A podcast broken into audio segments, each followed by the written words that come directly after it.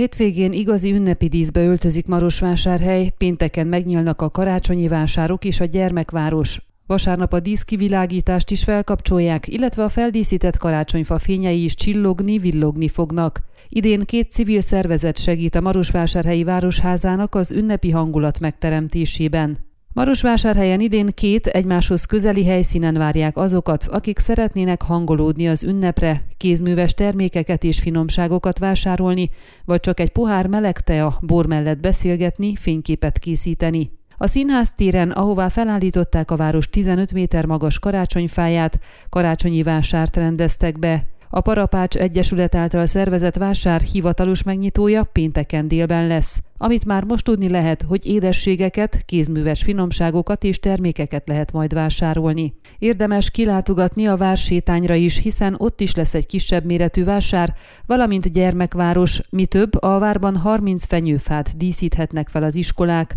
Ez utóbbi rendezvény az ezer arcú karácsony nevet viseli, és az a célja, hogy minden iskolának legyen karácsonyfája. Fenyőfadíszítésre iskolai csapatok jelentkezhetnek december 6-áig a Türk Mures kukacgmail.com e-mail címen, feltüntetve, hogy hány fát szeretnének feldíszíteni. A vársétány fele le lesz zárva a gépkocsik elől, közvetlenül a vár mellé nem lehet behajtani, hiszen ott lesz a karácsonyi vásár és a Mikulás háza is. A fehér szakállú karácsonyig minden vasárnap délután várja a kicsiket a mesebeli házikójában. Naponta Mikulás vonat közlekedik a karácsonyi vásár helyszínei között, a színház térről a vársétányra és vissza, valamint Mikulás szánon lehet körbejárni majd a gyermekváros sétányait. A gyermekváros nyitvatartási programja hétfőtől péntekig 15 és 21 óra között, hétvégén pedig 11 és 21 óra között.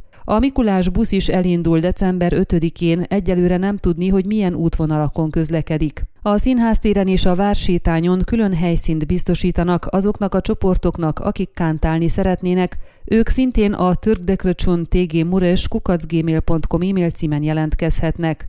Újdonság az is, hogy fényjátékokat vetítenek a vár külső falaira. A díszkivilágítást december 5-én vasárnap 17 órakor kapcsolják fel, és ekkor borulnak fénybe a karácsonyfák is a színház téren, illetve a kultúrpalota szomszédságában. Az ünnepi hangulatból nem maradnak ki a lakónegyedek sem, több parkban díszítettek fel fenyőfákat, amelyeket ki is világítanak. Ön a Székelyhon aktuális podcastjét hallgatta. Amennyiben nem akar lemaradni a régió életéről a jövőben sem, akkor iratkozzon fel a csatornára, vagy keresse podcast műsorainkat a székelyhon.pro portálon.